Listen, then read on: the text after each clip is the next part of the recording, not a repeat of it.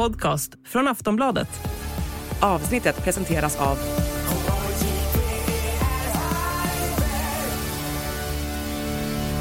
Stödlinjen.se, åldersgräns 18 år.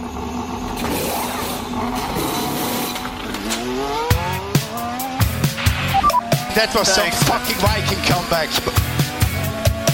Debris uh, behind. There's something strange with the engine. What the? What the? Yeah, what is this tractor? What is this tractor on track? Suck my balls, man. Get my claps and steering wheel. Steering wheel. Claps and steering wheel here. Hej och välkomna till Plattan i mattan i vinteruppehållet. Det känns som att under vinteruppehållet så börjar jag nästan alla avsnitt med att säga hej och välkomna till Plattan i mattan i vinteruppehållet. Vi vill poängtera att det är vinteruppehåll så att eh, lyssnarna förväntar sig något helt annorlunda än vad det brukar leverera, eller? Ja, det är väl mer att så här, eh, bara så att man inte har swishat iväg någonstans i tankarna, utan man, vi påminner varandra om att du är i vinteruppehåll, vi behöver hålla varandra i händerna genom snön och kylan i väntan på någon typ av racing. Eh, för det är det vi jobbar med här va? i den här podden under uppehållen. Vi jobbar med att ta oss fram tillsammans mot nästa race som alltid är en bit bort under vinteruppehåll. Så är det. Har du några minnesvärda vinteruppehåll i, genom din motorsportsjournalistiska eh, karriär? Ja, det finns ju naturligtvis. Ehm, 2021 minns man ju med tanke på att Lewis Hamilton bara försvann från de sociala medierna när han var så otroligt aktiv. Han var, kom inte till Fias prisutdelning efter den här förlusten mot Max Verstappen i Abu Dhabi. Han bara dök inte upp. Och Ingen hörde från honom, såg honom och de enorma diskussionerna som var där ifall han skulle fortsätta eller inte. Det är ett sånt där vinteruppehåll som man minns för det låg som ett Hamilton-moln över alltihopa med kommer han tillbaka, kommer han inte tillbaka, hur knäckte är han? Eh, Och vem är han när han kommer tillbaka? Den var ju, lite, den var ju otroligt intressant tyckte jag. Just det. Även fast det är i närtid så har jag liksom redan i princip glömt bort att det var så där. Men så där var det ju. Så var det ju. Och sen minns jag ju naturligtvis det eh, vinteruppehållet 2014 när eh, det skulle komma den här nya regeländringen, vilket man pratade och pratade och pratade och pratade om. Och rätt sent så ringer eh, Eje Elg mig. Jag hade lagt mina barn, eh, mörk vinterkväll, jag kommer inte riktigt ihåg när det var, kan det ha varit i januari något sånt där. Så ringer han och så säger han, du Anna, det är någonting på gång. Jaha, får man ta med en nypa salt. Vad är det nu som är på gång då? Eh, Marcus. Jaha, vadå Marcus? Nu får du liksom prata ur skägget här som du inte har. Och så berättade han då att eh, Marcus var på väg till eh, Caterham och skulle presenteras typ direkt. Eh, och jag hade ju ingen möjlighet att ta mig dit bara så och släppa och åka från Tyskland, eh, där jag bodde då, till eh, England. Men vi fick i alla fall lösa det. Jag hade jobbat med Marcus i flera år innan dess. Och det var ju också ett sånt stort vinteruppehåll som man minns när man plötsligt en mörk vinternatt upplevde jag det som, en vilket vinterkväll i alla fall, få besked om att vi får den första svensken i Formel 1 sen eh, 92 eller någonting. Så att eh, det var också en sån här vinter som man minns. Och framförallt sen då när det började närma sig premiär och man skulle boka den här resan till Australien för att vara med på den här premiären. Det var rätt häftigt. Jäklar ja. Och Eje då var ju alltså inte bara eh, kommentator. Nej, han var ju Utan- kommentator slash Marcus rådgivare och manager i ett. Ja. Så han satt ju liksom inte bara på två stolar utan på en hel soffa. I det här läget. Så, så då visste man att om han ringde och sa att det här är på gång nu så var det ju av flera anledningar som han hörde av sig till dig och ville att eh, det här är bra om det skrivs om och så vidare. Precis, precis. Just så. Han, det var inte så att han ringde utan någon anledning direkt utan det fanns ju alltid en anledning när Eje ringde. Såklart, som annars är en väldigt trevlig man måste jag ju lägga till. Ja, och lite kul då om man ska som programledare för den här podden som jag försöker vara ibland, att hitta kopplingar till saker vi pratar om och koppla ihop det med avsnitten. Och det går ju att dra en rak linje här på något sätt, eller hur? Extrem. Till avsnittet som komma skall som vi har påbörjat i era öron. För att idag ska vi snacka om den då som 2018 var, körde i samma team som Marcus Eriksson när det kördes för eh, Sauber. Alfa Romeo Sauber, ja precis. Marcus sista säsong i eh, Formel 1 var ju också Charles Leclercs första. Och kanske anledningen till att det var spiken i kistan för Marcus Eriksson då. Men det kanske vi kommer Nej. till eh, då med tanke på hur de presterade. Ja, fast det skulle jag inte säga. Nej, det, det tycker jag faktiskt att var fel. För det var inte Charles Leclerc som var anledningen till det. Utan jag skulle säga att det var Kimi Räikkönen som var anledningen till det. Därför att på den här tiden så hade Alfa Romeo Sauber och Ferrari ett väldigt tajt samarbete. Där den ena förarstolen hos Alfa Romeo Sauber bestämdes i stort sett av Ferrari som är mot, var motorleverantör. Det var ju inte den platsen som Marcus hade. Det var den platsen som Charles Leclerc hade. Men när Charles Leclerc då skulle flyttas upp till Ferrari så var ju det klart då att Kimi Räikkönen inte fick vara kvar utan Leclerc blev teamkompis med Vettel. Och Räikkönen har ju sin grund i Sauber. Det var där han gjorde sitt första F1-test. Det var också det första teamet som han körde för i Formel 1. Så när han ville fortsätta köra så var ju det en naturlig väg tillbaka att avsluta ka- karriären i det teamet han en gång började med samma människor som han känner väldigt väl. Men det var ju inte den förarplatsen som Ferrari ville ha besatt. Så i det ögonblicket som Kimi Räikkönen blev kvar, klar för Alfa Romeo så stod det ju klart att Marcus Erikssons F1-karriär skulle vara slut. Och jag vet att jag satt på tåg när det beskedet kom och tänkte jag bara, fan också. För när då Räikkönen sa att jag ska köra för Alfa Romeo Sauber, då är det så det blir. Ja men då insåg man ju att det var slut. Ja. Därför att eh, Eriksson kunde ju inte få Ferraris plats. För Ferrari ville ju ha in Ja. sin förare där och i det läget så var ju det Antonio Giovinazzi. Ja, intressant det här med att se hur alla vägar eh, korsas och möts. Och det har jag pratat om många gånger förut när vi har gjort eh, sådana här Förarnas väg ehm, avsnitt. Jag vet inte vilket i ordningen vi är på, men man, man lär sig hela tiden när man eh, kollar igenom eh, förarnas karriärer till där vi är idag. Och där vi är idag är ju att eh, Charles Leclerc går mot ett eh, 2024 med Ferrari för sin jag kan ju aldrig räkna någonting. Det blir femte säsong 2019, 2020, 2021, 2022, 2023, 2024. Sjätte säsong. Sjukt att det har gått, att det är så pass. Men det är ju alltid sådär, när man tittar tillbaka så går tiden så himla snabbt. Om man tittar till framåt så känns det som en evighet. Nej, för tänker man på liksom... Nej, säger du. Nej, eller ja. jo.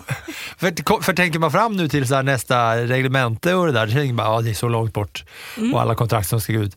Men så kollar man tillbaka så det känns som att Charlie Leclerc nyss kö- började köra för Ferrari och fortfarande var young hot and up and comer. Men nu är han liksom inne på sjätte. Ja, men det är det jag säger. När du tittar framåt så känns det som att det är en evighet tills dess att det ska hända någonting. Sex år framåt i tiden, vill man ju knappt tänka på vad som händer. Men går man tillbaka så bara, ja men det var igår. Ja.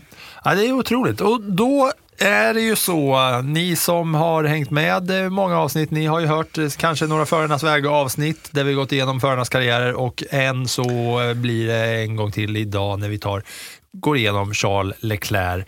Och, och vi ska blicka tillbaka så borde vi blicka tillbaks till 16 oktober 1997. För det var så då den här lille parveln föddes i Monaco eller Monte Carlo beroende på hur de där gränserna dras och rent statistiskt vad som räknas till vad.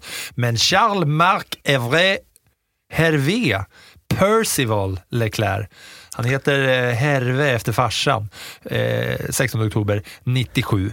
Och han föds ju in i en racingfamilj eh, Eh, där farsan har kört eh, ja, en massa racing och pikar väl F3 på 80-90-talet och då var F3 stort. Han har en brorsa som heter Artur som vi har fått höra om ibland när vi har snackat om Dino Beganovic som har varit polare med eh, brorsan Artur Leclerc. Och eh, det var inte bara så att han hade en pappa som var eh, racingintresserad och racingfantast. Han hade även en gudfar som heter Jules Bianchi. Ja, det där och den här relationen mellan Charles Leclerc och Jules Bianchi den har alltid varit otroligt, otroligt tajt. Eh, jag vet att jag pratade faktiskt med Charles om den relationen i, när han var, var hans första år i Formel 1 som han fick berätta om det där. Man märkte tydligt hur mycket som Jules Bianchi faktiskt har betytt för honom och för hans karriär. Kan det vara så att du har kvar den där inspelningen någonstans, Montro, liggandes på någon hårddisk eller kanske på någon dator eller mobil eller något sånt där? Mm, jag får se, jag får nog leta lite så ska vi se om jag hittar den. Vi får skravla lite, så om vi nu hittar den så slänger vi in den här och jag litar på att vi kommer hitta den. Så här eh, lät det när Anna Andersson pratade med Charles Leclerc 2018 om uppväxten och relationen till Jules Bianchi då, hur han liksom tog sig in i eh, hans första stapplande, kan inte säga stapplande steg, första eh, liksom gaspedalstryckningar i en bil. Han, hans möte med motorsporten kan vi säga. How did you start racing? I didn't want to go to school that day, but I was I was Okay. only, I was only four years old. So I said my father that I was ill, which I was not really. I just didn't want to go to school, and um and he was going to see his best friend, which was uh, Jules' father's Yeah. Jules' father. They had a racing track at that time, uh, Brignoles, and uh, and I went there. I, I went there, and they had a very small cart, and um, and yeah, I just went in. Uh, they attached a rope to, to my go kart and to the cart in front of Jules' father just to be sure if I could turn, brake, throttle for Okay. one or two laps. And after that, they took off the rope, and I just drove until the fuel ran out. And uh, and yeah, I straight away Still have fuel. yeah, I straight felt it, I straight away felt in love with uh, with motorsport, and um, and yeah, it was pretty clear it was what I wanted to do. Han åkte alltså go-kart med snö, jag fattar inte riktigt, snören, han hade snören eh, kopplade till den på något sätt. Men det var, det var ingen lådbil, det var, en go, det var go-kart han menade. Det var en go-kart ja. Ehm, och jag vet han berättade det för mig också hur, hur han eh, inte ville gå till dagis utan ville liksom gå med pappa till gokartbanan så att han låtsades som var sjuk. Så att pappa skulle tvingas ta med honom för annars kunde pappa inte heller få köra. Och då hade de i alla fall, de band en massa snöre mellan framförvarande gokart och hans gokart så att han, inte skulle, han skulle kunna, du vet som man boxerar en bil. Lite grann, eller åker pulka i pulkabacken så att man liksom skulle hänga med där. Men de fick väl snabbt ta bort det där snöret. Just det, för att han, han behövde inte, han drogs med. Det var som en boxering av Leclerc, lilla ah, eh, Charles Leclercs gokart. Så han kunde, men så körde han bara själv tills bränslet tog slut. Men det är ju alltså en, det är ofta man pratar uppväxt när man pratar om eh, av några av de här framstående förarna i Formel 1-världen. Men med en pappa och en gudfarsa som är, eh, liksom, var en sån extrem superracing-talang, Jules Bianchi, som sen eh, ja, Ja, han, han avled ju faktiskt 2015. Det är också intressant för Jules Bianchi var ju inte så mycket äldre än Charles Leclerc. Jules Bianchi var född 1989 och Charles är alltså född 1997 så det skilde ju inte jättemycket i ålder men alltså det var ju som en ja, men extra storebror ungefär och de valde samma väg och de, tanken var ju att de skulle gå hela vägen tillsammans. Samma manager exempelvis i Nicolas Tott.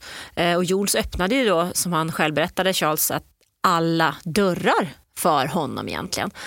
Eh, och Jules Bianchi gick via Ferraris akademi upp till Formel 1 och han skulle han tävlade för Marussia 2013 och 2014. Och 2014 så är det en tävling i Japan det är fruktansvärt dåligt väder. Eh, jag tror att det är Adrian Sotil som har fått vattenplaning och åkt av banan. Och in på banan då så har det åkt en, eller kört ett bärgningsfordon, typ av hjullastare för att plocka bort den bilen. Och det är gul flagg, alltså bilarna ska gå ner i fart. Det kan till och med vara så att det var dubbel gul flagg.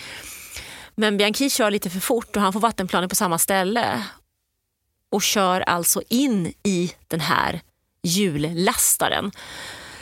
Eh, han återfår aldrig medvetandet efter det här. Eh, han ligger i koma under väldigt, väldigt många månader. Det här händer i oktober eh, och han avlider under sommaren 2000. 2015. Det är i mitten av juli 2015. Och det här påverkade Charles enormt mycket. How was it for you to lose Jules in Formula One? Obviously, it's uh, it's very very difficult. Obviously, it's a huge shock, uh, and it has been pretty horrible to wait uh, mean, this long. Uh, it has been a, a year where it was very hard, where, where you didn't know whether it would have been possible for him to go out of this, but obviously you had the hope to, to see him again, and then to finally lose him has been obviously very hard for, for all of us, but uh, yeah, I mean, I, I can't change that, uh, but obviously it has been very, very hard. Has it affected you as a person? No, I, I don't think so. I think, yeah, I mean, in racing anyway, not. Uh, obviously, uh, yeah, I've never thought of uh, something like uh, stop racing or anything like No. that. But uh,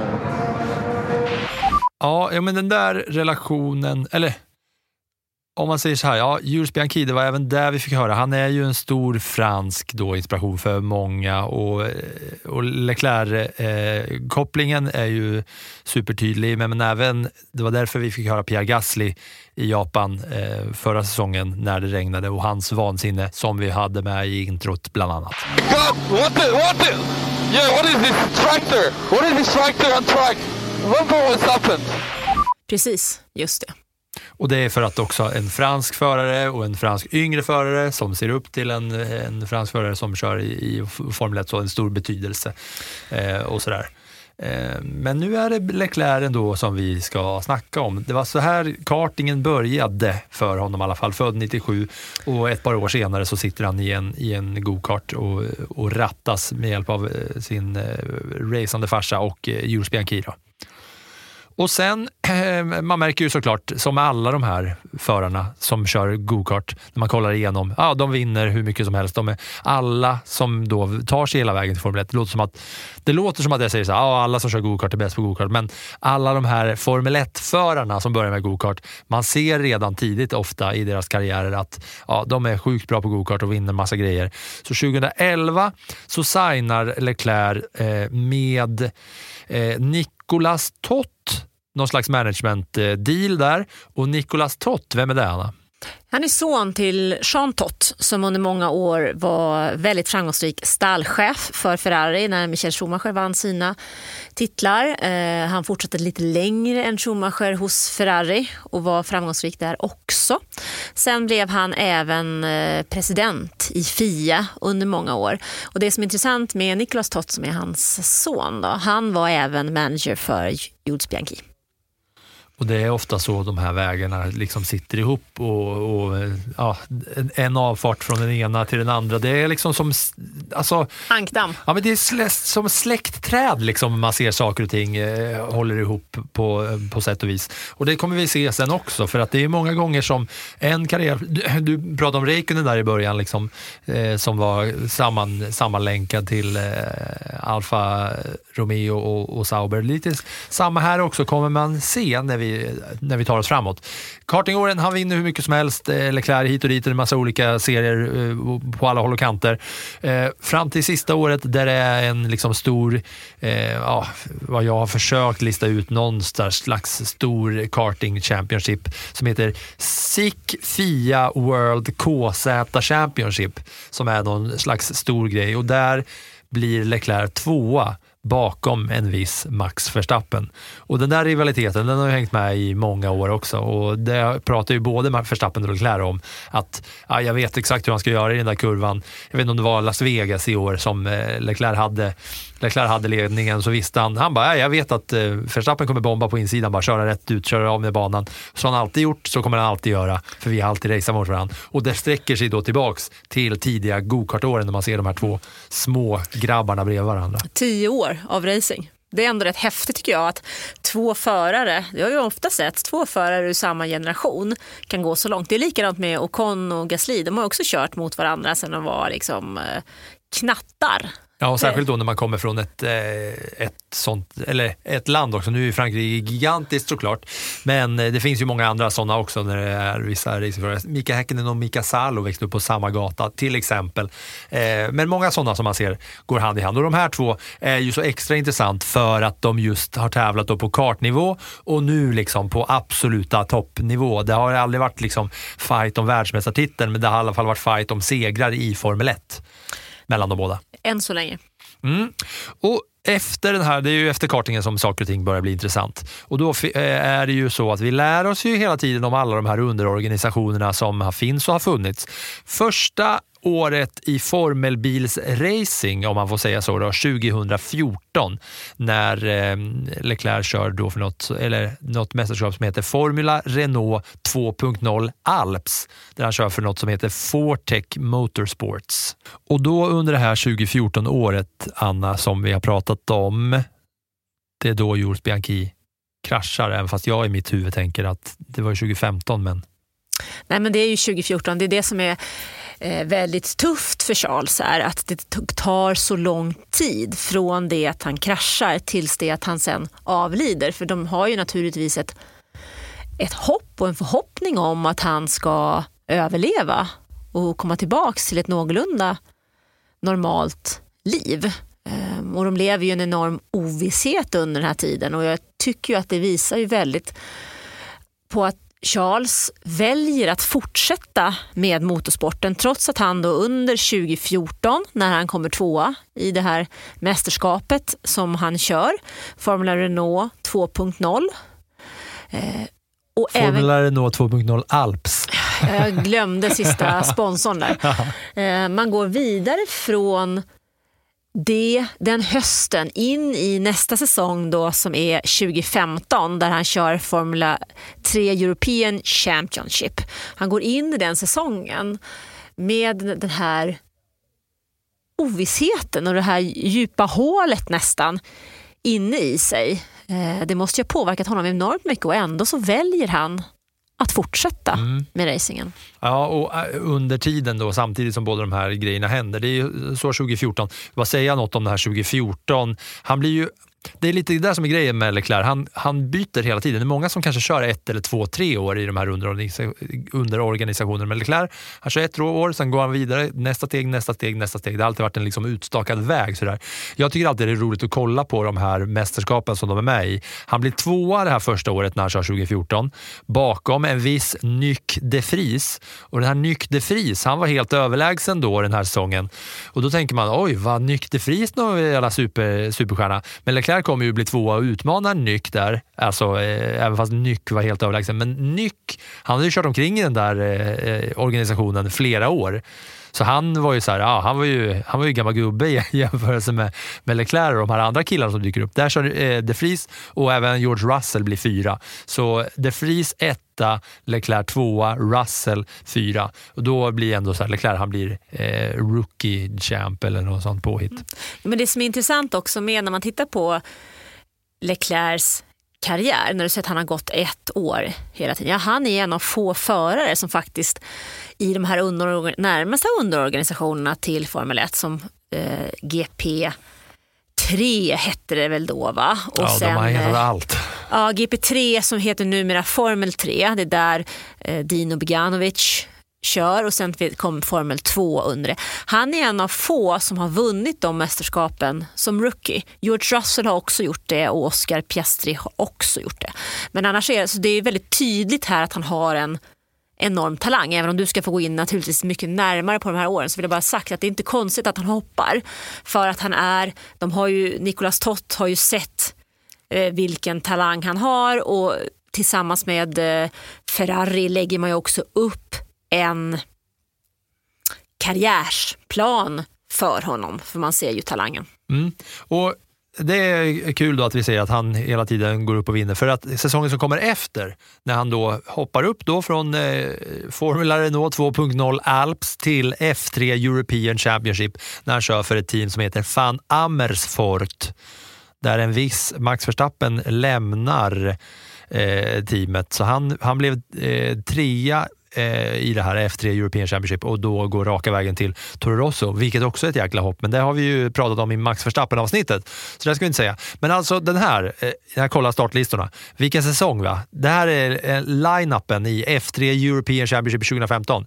Lance Stroll, Felix Rosenqvist, Antonio Giovinazzi, eh, George Russell, Callum Ilott, Pietro Fittipaldi, Alex Albon och så då Charles Leclerc. Och vem vinner hela skiten här? Jo, det är Felix Rosenqvist. Men på samma sätt som Nykterfris gick och blev mästare i året innan när Leclerc eh, fightades så var det så att Rosenqvist här var mycket äldre än alla andra och hade röjt runt i samma organisationer och, och liksom samlat på sig erfarenhet. Till skillnad då från Leclerc och Albon och de här andra som kommer upp. Leclerc kommer i alla fall in här och med ett jävla bang. Åtta av nio första racen så ställer han sig på podiet. Mm. Men sen vet vi också vad som händer under den sommaren. Det är ju inte konstigt att han inte klarar av att hålla det fokuset efter det att eh, Jules Bianchi har gått bort i juli. Så att eh, han visar ju verkligen där var han står och vem han är. Men att han som, som ung förare sen då tappar lite av fokuset, ja, det kanske vi får eh, acceptera. Ja, för det är 2015 här. Mm. Nu ska jag göra matematiken. Han är 20 år då 2017, så två år tidigare så då är han liksom 17-18 här ungefär. Va? Eh, för här är det så att han blir, Rosenqvist vinner det här. Leclerc blir fyra i det här, men han blir ändå ändå bästa rookie. Men det som är viktigt att säga här, att det här är det sämsta under hans juniorkarriär. Att bli fyrad i ett mästerskap med den här line-upen då. Och ja, om man kollar på Rosenqvist då, som var mycket mer rutinerad än alla andra eh, som vann. Så utöver den här säsongen så är det det, det, är det sämsta resultatet han får på en säsong. Med då tanke på att hans bästa polare, storebrorsa, gudfarsa och allting eh, dör.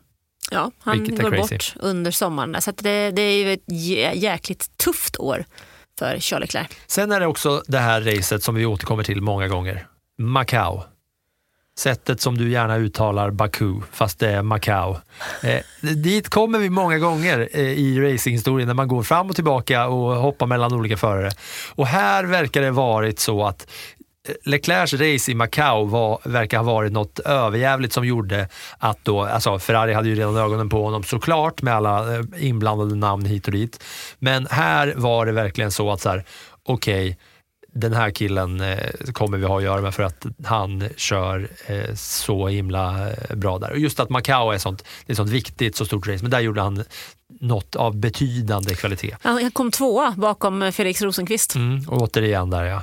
Eh, och Macau är som, som vi har sagt förut ett fristående eget litet race Man- på något sätt va? Ja, men man kallar det, näst, näst, det är nästan som att man lite slarvigt kan säga att det är VM för Formel 3. Det ingår ju inte något mästerskap utan det är ett, ett lopp, en stadsbana som har i stort sett allt. Snabba partier, eh, långsamma partier, svåra kurvor, tajta murar. Det är en bana som skiljer förarna åt. Och det är en bana som också men är uppbyggd liksom med, med träningar och kval och kvalrace och race. Och eftersom man inte behöver ta hänsyn till något mästerskap här så kan ju alla förarna satsa allt på att ta den där segern. Det är en bana som ingen minns en tvåa, förutom så att vi minns Charles Leclerc nu då, för att han kom två vi har tittat upp. Men hade du i förväg frågat mig om eh, Macau 2015 så hade jag sagt ja, då vann Felix Rosenqvist. För den kommer jag ihåg. Men eh, så det, det är lite det som gör att det där eh, loppet är så otroligt speciellt. Ja, och jag lär mig ju alltid om Macau här när man kikar in på så här förare, förares karriärer och även när man går tillbaka till sådana gamla legender så har de även kört, kollar vi på 90-talshjältarna så har de också kört Macau. Absolut. Och just att det är så coolt att det här är fristående för man ser ofta så här att många gånger står det med hur många varv alla körde för att vissa pushar bilarna så hårt så att de inte klarar det mot slutet liksom, för att man, inte, man skiter i vad som händer sen och man skiter i vad som händer före egentligen för att det är allt som händer där och då.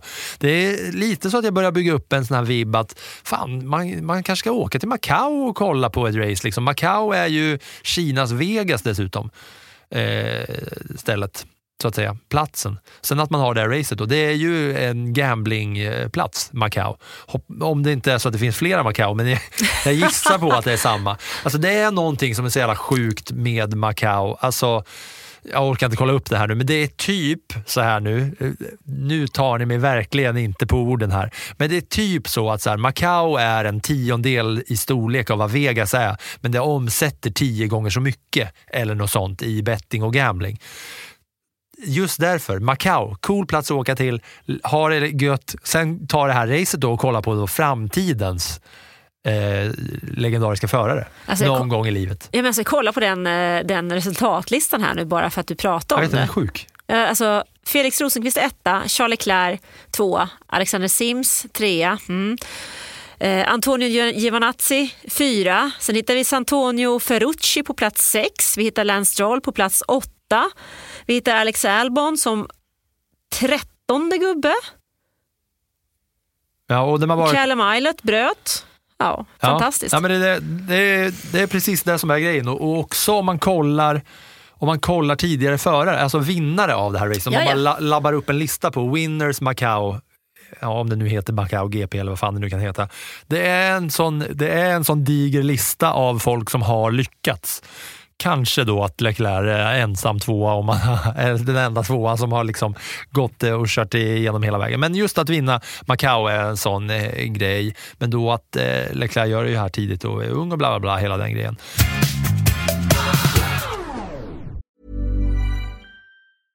Ryan Reynolds here from Mint Mobile. With the price of just about everything going up during inflation, we thought we'd bring our prices down. So to help us, we brought in a reverse auctioneer, which is apparently a thing.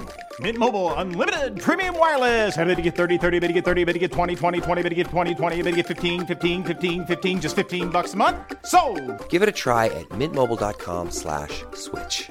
$45 upfront for three months plus taxes and fees. Promo rate for new customers for limited time. Unlimited more than 40 gigabytes per month. Slows. Full terms at mintmobile.com.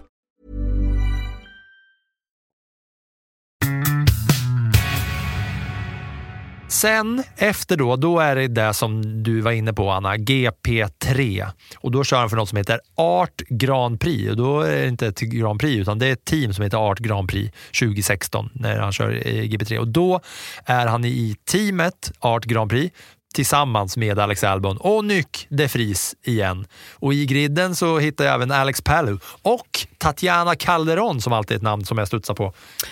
Kvinnlig Ja. förare som kör Indycar nu. Eh, bland annat, hon har kört veck också. Eh, test och reser- reservförare för eh, Sauber i flera år. Tatjana Calderon, henne har jag också träffat och pratat med ett antal gånger faktiskt under årens lopp. En otroligt intressant tjej från Colombia. coolt också att man ser hennes namn dyka upp eh, titt som tätt på olika eh, ställen. Ehm, det är ju så att här kör Leclerc och Albon, de kör ifrån Nykter Fris där och visar att det är de här två som är faktiskt är bäst egentligen.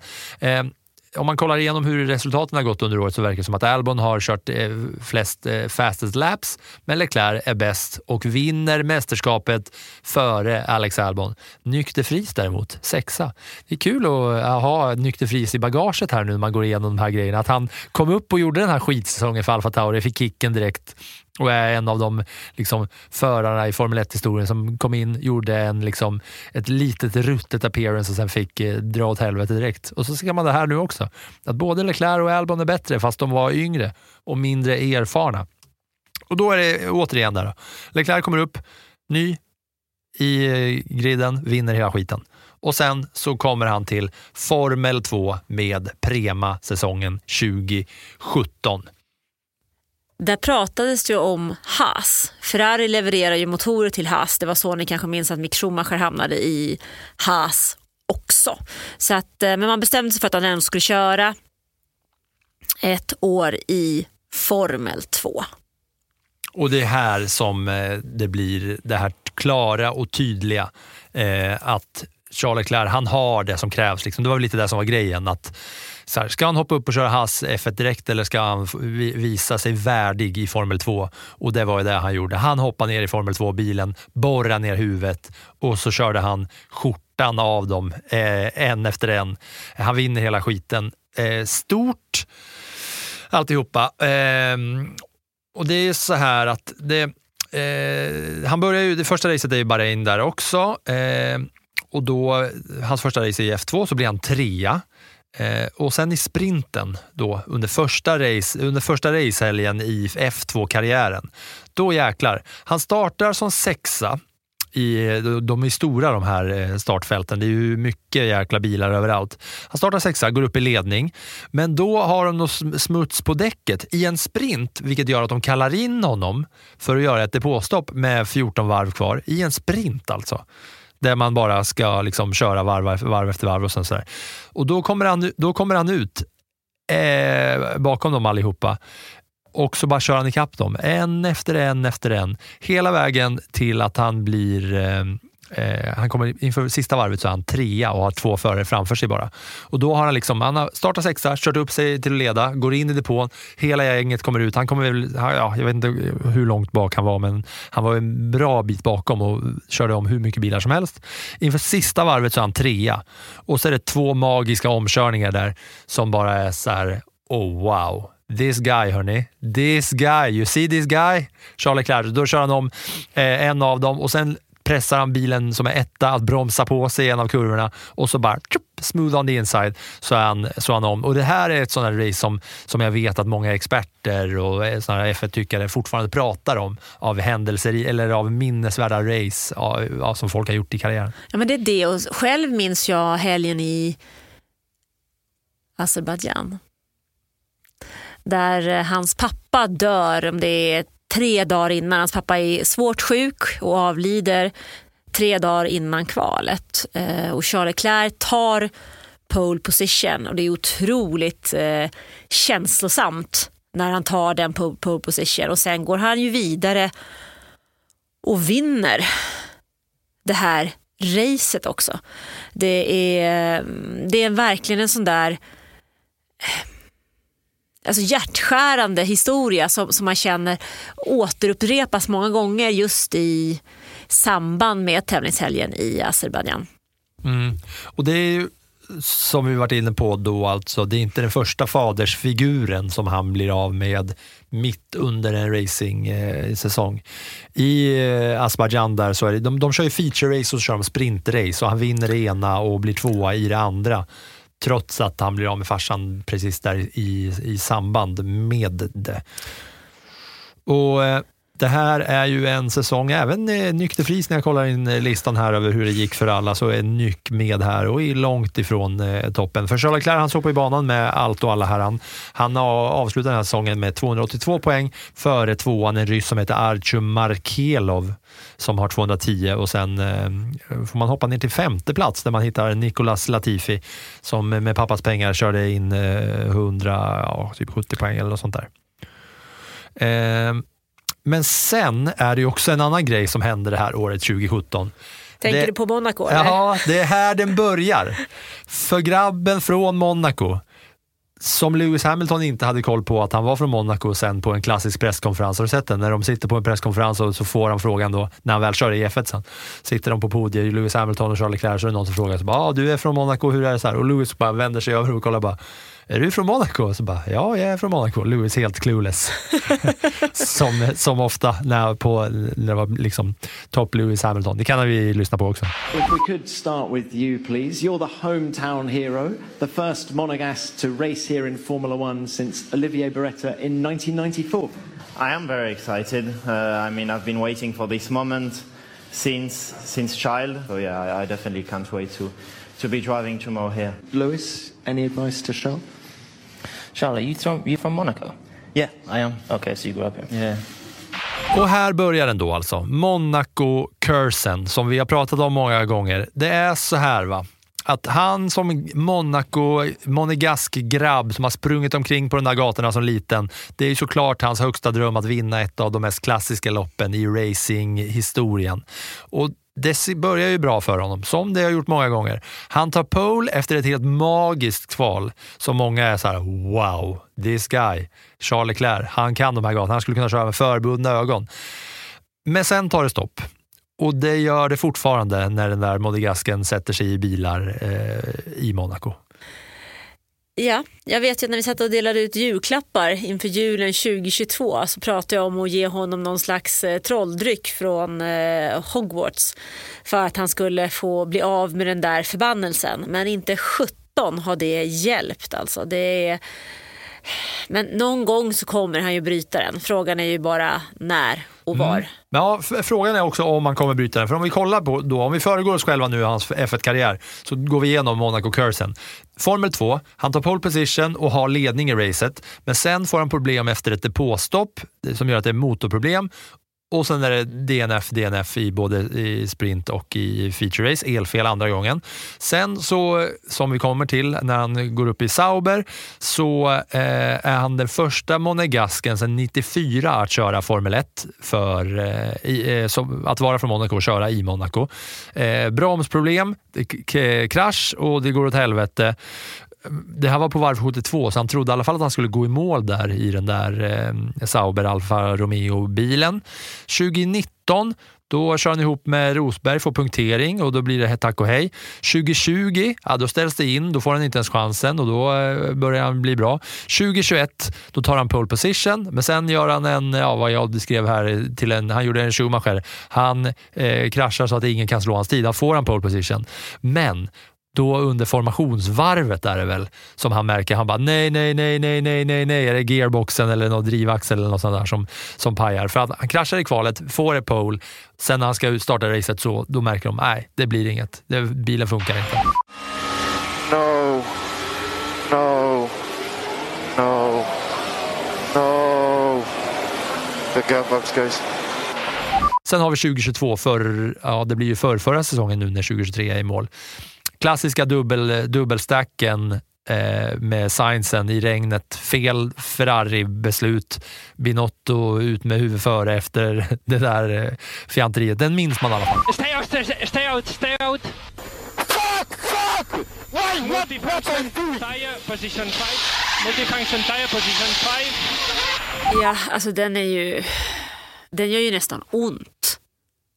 Ja, för då skulle han bara vinna. Alltså ja, alltså den gör ju nästan ont hur, hur man lyckas slarva bort en så given seger på något sätt. Alltså den, den måste svida. Ja, för, för där var det ju så att de hade, det var ju given seger som du säger. Sen 2023, ja, det var inte, där var det inte så mycket snack om saken eh, så att säga. Eh, så det är alla de här, men sen är det även utanför själva racingen. Då är det ju så att eh, 2022 så ska de köra, de kör ju också Monaco Historic Grand Prix när de kör lite så gamla klassiska, fina, legendariska bilar. Och då får han köra Niki Laudas Ferrari från 74, Ferrari 312 B3 heter den. Och den kraschar han. Ja, Och den han sätter den i väggen. Liksom. Leclerc. Då, och det pratas ju om att så här, ja, det är inte hans fel och bla, bla, bla, det var något med bilen. Bla, bla, bla. Men det är ändå, det här tycker jag talar för att cursen is real. den är riktig, du tycker det? Ja, någonting är det ju. Men jag hoppas ju för hans egen del att han vid något tillfälle klarar av att bryta den där för att eh, det hade ju varit lite läckert ändå om han som en gång har suttit på mattelektionerna liksom, och tittat ut över depån och drömt om att få köra det där racet också kunde få stå på pallen. En monegask på en pallen i. Monaco. Det är ju en Disney-film om man gör det. Vinner han så gör de ju, om, då gör de ju en Disney-film om honom.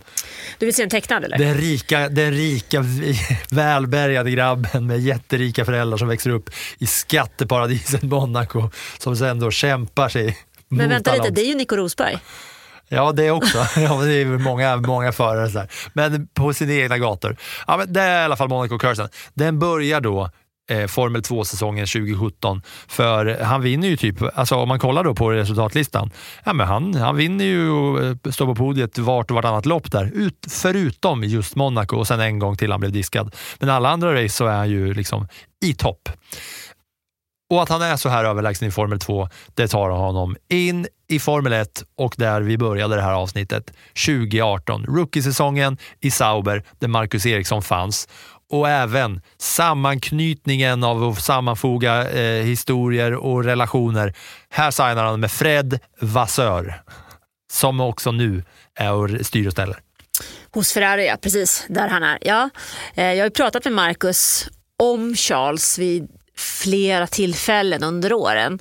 Ehm, och det verkar väl så eh, att de kanske inte riktigt hade samma förutsättningar när de körde tillsammans hos Alfa Romeo Ferrari. För att det är ju så att Ferrari ville ju gärna att deras förare skulle lyckas.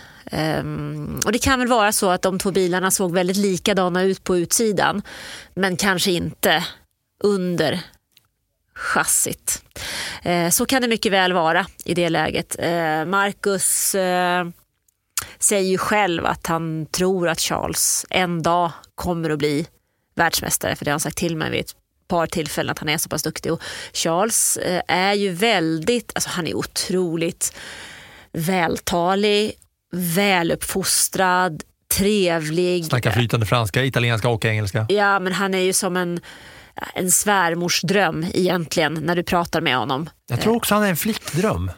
Han är lite så här många, många, många liksom som eh, så här, åh Charles Leclerc, han är så snygg. Wow. Ja, men det kan jag nog tänka mig att han är. Eh, och han är lite så här underfundig. Både svärmorsorna och tonårstjejerna.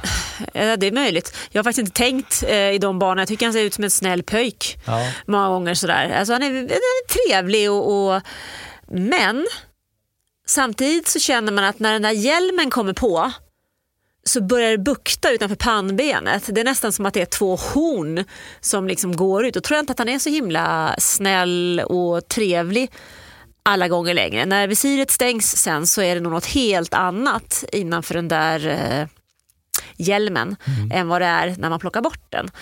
Eh, men eh, någonstans, jag har svårt att se så att en sån... Alltså, en sån otrolig talang som dessutom jobbar så himla hårt som vad han gör. Att en sån förare inte någon gång ska nå VM-titeln. När man ändå är också är i ett sånt stort team Ja. där faktiskt möjligheterna egentligen borde finnas, även fast de inte har vunnit på hur många år som helst. Nej, men möjligheterna ska ju finnas där och då är ju frågan är varför lyckas inte Ferrari i kombination med Charles Leclerc och frågan är ju det om det är den kombinationen som inte stämmer. Om Charles Leclerc hade lyckats någon annanstans men inte just där. För kunskapen, talangen, eh, målmedvetenheten och ambitionen finns ju. Och någonstans så är det ju så att den bästa talangen som man kan ha, oavsett idrott, det är ju talangen att träna. Det är ju den viktigaste av allt, för en råtalang kommer ju aldrig hela vägen. Mm.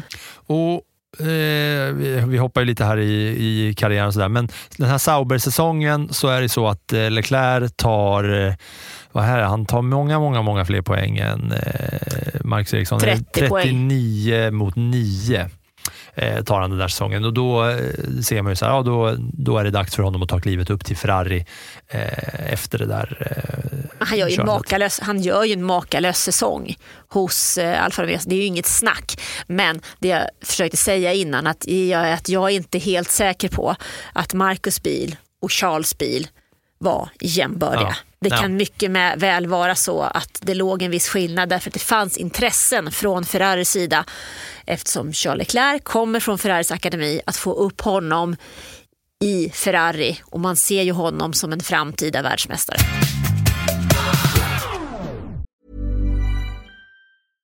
Hey, I'm Ryan Reynolds. At Mint Mobile, we like to do the opposite of what Big Wireless does. They charge you a lot, we charge you a little. So naturally, when they announced they'd be raising their prices due to inflation, we decided to deflate our prices due to not hating you. That's right. We're cutting the price of Mint Unlimited from $30 a month to just $15 a month. Give it a try at mintmobile.com slash switch. $45 upfront for three months plus taxes and fees. Promo for new customers for limited time. Unlimited more than 40 gigabytes per month. Slows. Full terms at mintmobile.com.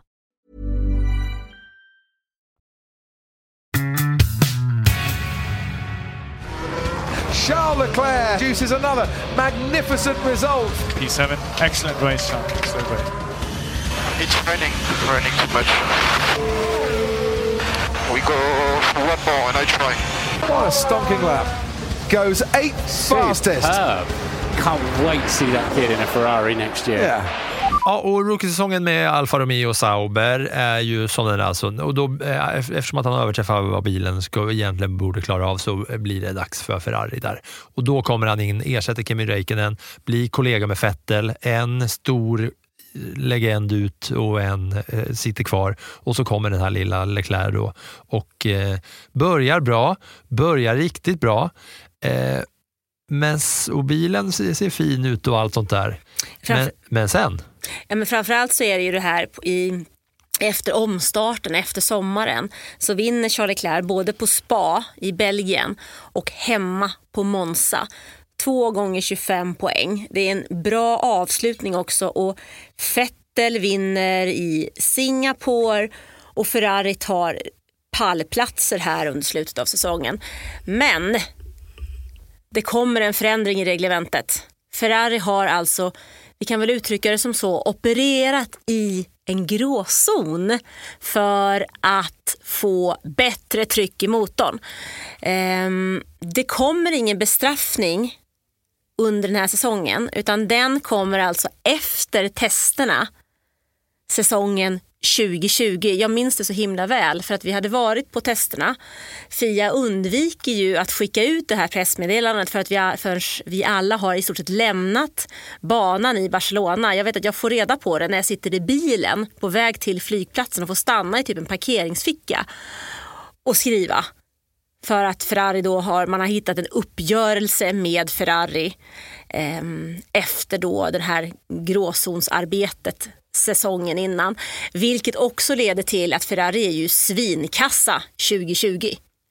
Man har ju hittat en lösning med motorn men det handlar om, om hur mycket Just det, det var bränsletillförsel till motorn eller sånt som de typ manipulerade hur, hur siffrorna såg ut på. Jag ska inte kasta mig in på något sätt men ungefär där man får när man googlar sig runt omkring. Liksom. Ja, vi kan kalla det. Det är ett typiskt Formel 1-gråzonsarbete eh, från Ferraris sida för att nå framgång, vilket man gör här då framförallt under hösten 2019. Sen får man ju bestraffningen och man får inte fortsätta arbeta på det sättet som man har gjort, vilket gör att man 2020 gör en riktigt, riktigt rutten säsong för att vara Ferrari, ja, för, får man ändå säga. För Leclercs första säsong där, det som också visar på, Vettel var ju en big player även här, men Leclerc kommer in, spöar Vettel under sin första säsong, alltså i totalen. Han eh, får 24 poäng mer tror jag, blir fyra bakom Verstappen, Bottas, Hamilton. Vettel blir femma, så Leclerc kör ju bättre där och sen då eh, så ser man de avslutar starkt. Han, han har ju ändå bra, så här, han eh, kör bra i början, det eh, är ganska många podium, två segrar och så, men sen händer det här på slutet och 2020 så är Vettel alltså 13 och och eh, Leclerc är åttonde. Men även där så slår han ju i alla fall Fettel. Vettel. Mm, men för att Ferraris förare ska bli åttonde och trettonde. Visst, det var en covid-säsong med väldigt mycket eh, race på samma banor. Vi körde i stort sett uteslutande i Europa. Det var ju ja, ingen jättekul säsong helt enkelt. Men eh, det är ju långt under. Men eh, Leclerc tar själv 98 poäng. Hamilton som vinner det året tar 347. Mm. Ja, och det är ju också kanske lite gre grejen för Leclerc om man tittar. Alltså, det som händer då, alltså när Ferrari säsongen 2020, det är ju Leclerc 8, Vettel 13, sexa i konstruktörsmästerskapen, vilket är liksom pinsamt för att vara Ferrari, måste man ju ändå få säga. Men om man eh, sen då, för, för sen, eh, vad ska man säga, efter det här 2020 så är det ju plattan i mattan, moderna tider i alla fall. Eh, Leclercs karriär och eh, Ferraris tid eh, i F1-världen samtidigt som vi, vi har liksom samexisterat på något sätt. Ja, fast 2021, eh, visst de tar sig upp till en plats tre i konstruktörsmästerskapet 2021. Eh, men de är ju liksom har ju tagit typ hälften så mycket poäng. Ja, men dit, som... jag vill kom, dit jag vill komma när vi ska nu summera Charles Leclerc är att på något sätt har han haft lite otur att han har kommit upp som en sån stor talang, fått sig en körning i ett sånt stort team, men han är samtida med de här två andra då superdynastierna där en har varit extremt överlägsen Lewis Hamilton, vilket gjort att man inte har kunnat utmana honom och där en har varit superöverlägsen efteråt när det byttes Red Bull och Max Verstappen. Och där bakom finns Charles Leclerc med den här talangen och med den här viljan att vinna och i det här stora teamet, men aldrig får vara nära för att de andra är så överlägsna. Ja men så är det lite och samtidigt så är det på något sätt eh, Ferrari har ju inte Alltså det är Ferrari som når framgång eh, under inledningen av 2000-talet tillsammans med Michael Schumacher. Det är ju ett väldigt, väldigt fyrkantigt team som är uppbyggt på, med tysk noggrannhet med Jean Tott alltså, och Ross Braun, Rory Byrne och det är väldigt, väldigt ja, fyrkantigt. Så därefter så har det ju varit italienskt styre i Ferrari under många år. Jag tänker på Stefano Domenicali och även på eh, Mattia Binotto. Eh, däremellan så har det också varit teamchefer. Det har varit ett par stycken däremellan. Och, eh, det var Bene också. Det har varit lite, inte alls samma struktur. Och jag tror att det är en av anledningarna till att Ferrari har tappat och kanske inte kunnat ge Charles Leclerc de möjligheterna som han förtjänar. För det har inte funnits den tydligheten och de ramarna att jobba med för Leclerc under de åren som han har varit där. Nu har de tagit dit Fred Vassör. Han och Leclerc har ju en historia tillsammans från tidigare. Och Vassör är ju en racer. Han har haft ett år på sig, 2023, och forma det där teamet har inte gått helt bra. Frågan är hur mycket tid som han behöver för att ställa den typen av Ferrari på benen som kan leverera det som Charles Leclerc behöver. Eller om Charles Leclerc känner att nej, jag behöver göra någonting annat. Och att gå vidare från Ferrari till något, an något annat av de två stora teamen. Mm, finns den vägen överhuvudtaget? Mm, den är ju himla liksom Eh, lockande tanke i alla fall.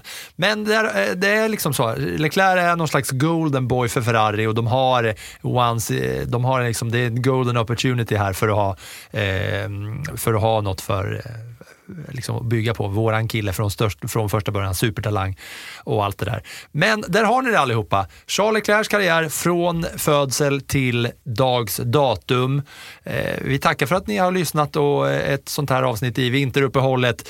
Det finns mer eh, Formel 1 att snacka om i eh, hela vägen fram till att säsongen startar. Tack för den här eh, lilla episoden, Anna. Tack, tack.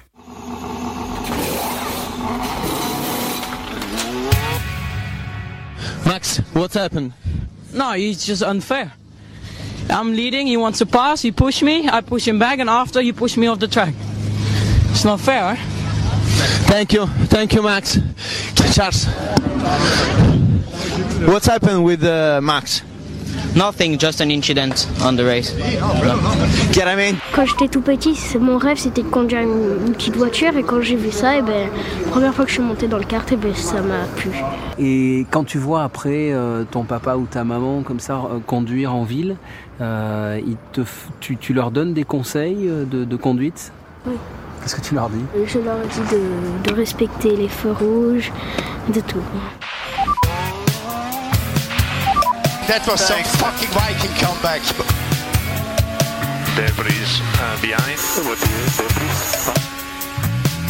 There's something strange with the engine. I need a new pet after that.